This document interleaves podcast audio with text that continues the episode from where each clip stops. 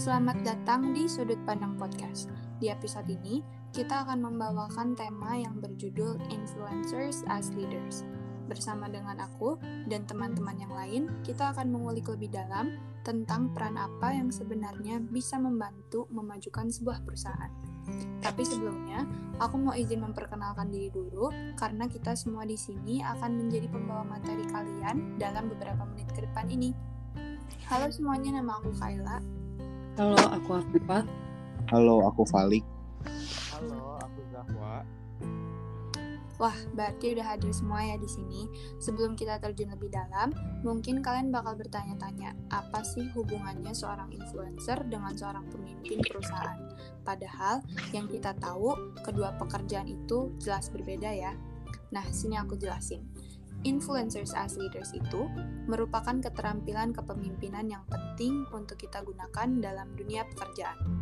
Mempengaruhi di sini berarti memiliki dampak pada perilaku, sikap, pendapat, dan pilihan orang lain. Pengaruh di sini jangan disamain sama kekuatan atau kontrol ya. Ini bukan tentang memanipulasi orang lain untuk mendapatkan apa yang kita inginkan, tapi tentang memperhatikan apa yang memotivasi komitmen karyawan dan menggunakan pengetahuan itu untuk meningkatkan kinerja demi mendapatkan hasil yang positif. Sekarang aku mau nanya nih sama teman-temanku di sini. Menurut kalian sendiri, apa sih yang dibutuhkan oleh suatu perusahaan agar mereka bisa berkembang? Jawaban kalian dari pertanyaan ini tentunya bakal membantu banget buat teman-teman kita yang lagi dengerin podcast ini. Kalau menurut aku, yang pertama itu kita membutuhkan sebuah konsep dalam menjalankan bisnis. Dengan begitu, kita juga bisa mendapat gambaran dari target pasar yang akan kita tuju nih untuk memulai bisnis kita. Lalu, kita juga butuh nih manajemen yang baik dalam perusahaan. Tapi kalau aku boleh tahu nih, manajemen yang baik itu yang kayak gimana sih? Agar manajemen perusahaan kita bisa menjadi efektif, hal yang bisa perusahaan lakukan adalah konsisten terhadap kebijakan yang mereka buat untuk mencapai tujuan perusahaan tersebut. Nah, selanjutnya itu memiliki pemikiran yang kritis dalam menentukan sebuah strategi. Karena saat ini kita akan memulai sebuah usaha kita pasti akan menghadapi berbagai situasi yang gak terduga dong. Jadi, pemikiran kritis ini bisa juga membantu kita dalam menghadapi kejadian nantinya. Kita juga harus bisa loh membuat rencana yang baik dan bisa mengeksekusi rencana tersebut dengan sempurna agar perusahaan tersebut dapat berkembang secara pesat dan menjadi pilihan yang terbaik. Yang terakhir itu memiliki keterampilan dalam marketing. Ya ini menurut aku penting banget sih, karena dengan keterampilan ini kita dapat mengetahui keunggulan dari produk perusahaan kita dan juga dapat mempermudah kita dalam membagi target pasar. Nah, tapi aku juga mau coba nambahin deh. Kalau misalnya kesuksesan itu nggak selalu berasal dari teori atau apa yang mereka hasilin. Sukses itu kalau kata aku usaha bukan kemenangan. Bagaikan berjalan maju dari satu kegagalan. Nah, tapi yang terpenting bahwa kepemimpinan bukan berbicara tentang posisi seseorang dalam sebuah struktur organisasi. Bukan pula tentang gelar dan tidak sama dengan manajer. Kepemimpinan itu mendorong, memotivasi, dan melihat bahwa setiap orang dalam tim atau organisasi punya potensi besar dalam memajukan perusahaan. Seorang pemimpin memiliki andil untuk meledakkan potensi timnya untuk mencapai suatu tujuan dengan kemampuan yang bisa menginspirasi dan mengupayakan ketujuan yang terbaik. Ya, untuk menjadi seorang pemimpin yang baik tapi juga disegani oleh karyawan-karyawan. Setiap pemimpin adalah manusia dan setiap manusia tentunya nggak ada yang sempurna dong. Nah, karena itu seorang pemimpin harus terus belajar dan mengembangkan kemampuan yang ada dalam dirinya. Dengan begitu juga mereka bisa membuka lebih banyak peluang untuk menjadikan perusahaannya lebih baik. Uh, iya sih, sebagai seorang pemimpin pastinya kita ingin seluruh karyawan untuk dapat bekerja secara maksimal demi mencapai tujuan yang sudah ditentukan oleh perusahaan. Tapi Kira-kira hal apa ya yang bisa dijadikan motivasi untuk karyawan agar dapat meningkatkan kinerja mereka di perusahaan? Mungkin boleh dari Zahwa. Oh, dari aku ya. Caranya tuh ada tiga sih cara utamanya. Yang pertama, kita bisa yang kita bisa lakukan adalah membangun komunikasi dengan baik dan menyenangkan. karena dengan terjalinnya hubungan yang baik akan membuat para karyawan kita nih merasa lebih nyaman dong dalam bekerja di perusahaan.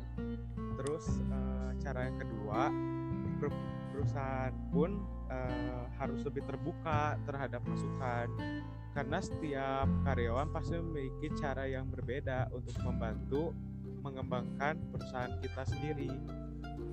Jadi uh, sebagai pemimpin yang baik kita perlu terhadap masukan agar para karyawan bisa lebih merasa dihargai.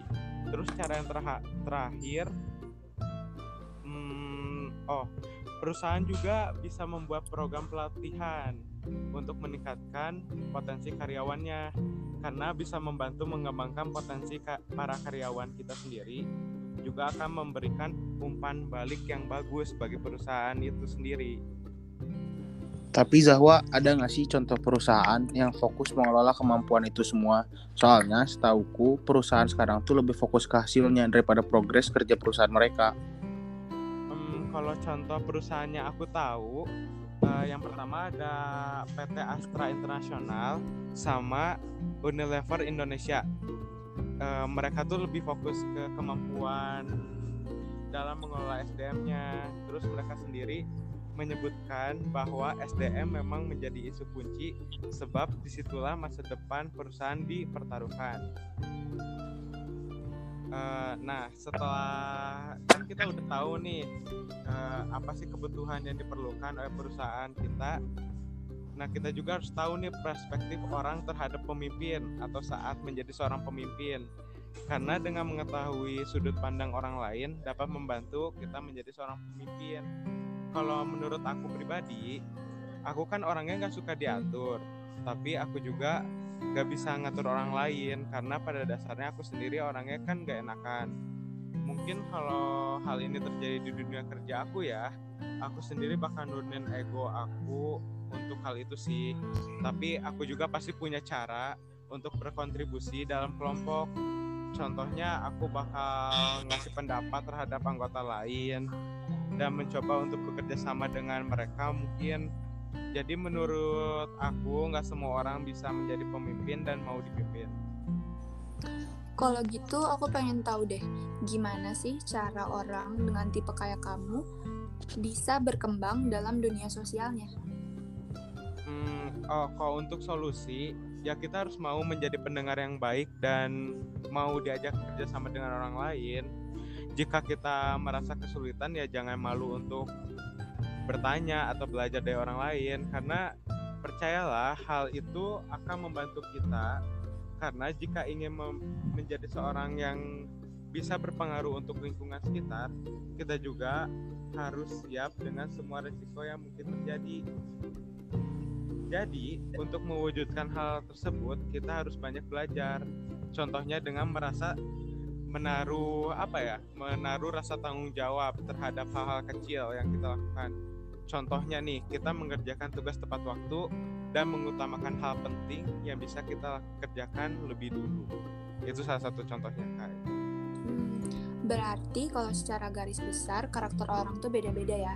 Kalau aku sendiri dalam konteks kepemimpinan aku tuh orangnya suka bekerja dalam kelompok sebagai seseorang yang dapat menginspirasi teman-temannya karena dengan begitu aku akan merasa bisa berguna untuk kelompok tersebut. Selain itu, aku juga akan bersedia bila diberi tanggung jawab untuk menjadi ketua dari sebuah kelompok. Soalnya, aku merasa punya bakat di bidang itu. Kalau ditanya pengalaman apa saja yang pernah aku alamin sih, salah satunya adalah menjadi ketua kedisiplinan di organisasi asrama saat aku di SMA dulu.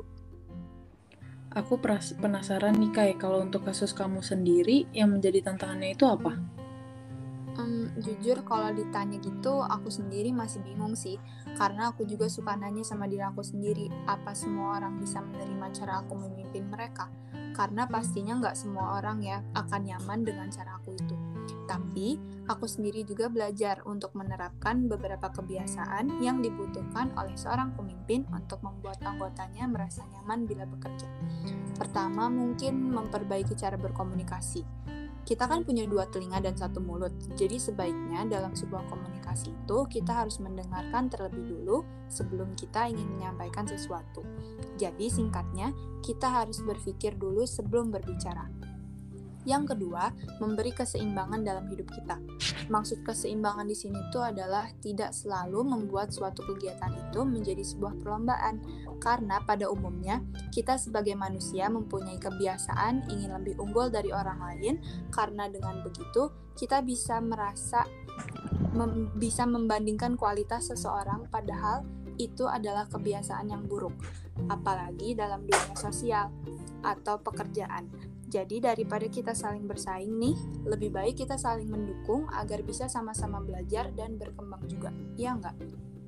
Kalau gitu, aku setuju sih, karena menurutku pemimpin bisa dilihat dari banyak sudut pandang yang berbeda pada saat menjadi pemimpin atau pada pimpin. Nah, saat aku jadi pemimpin, maka aku harus mempunyai empati nih, atau apa yang dirasakan orang-orang yang dipimpin, dan tentu menjadi role model atau panutan. Sedangkan saat aku sendiri yang dipimpin, aku harus bisa menjadi pribadi yang bisa mengerjakan pekerjaan sesuai job description aku dan bisa menjadi bagian teamwork yang solid karena pasti dibutuhin nih diri aku untuk patuh dan responsif atas arahan pemimpin.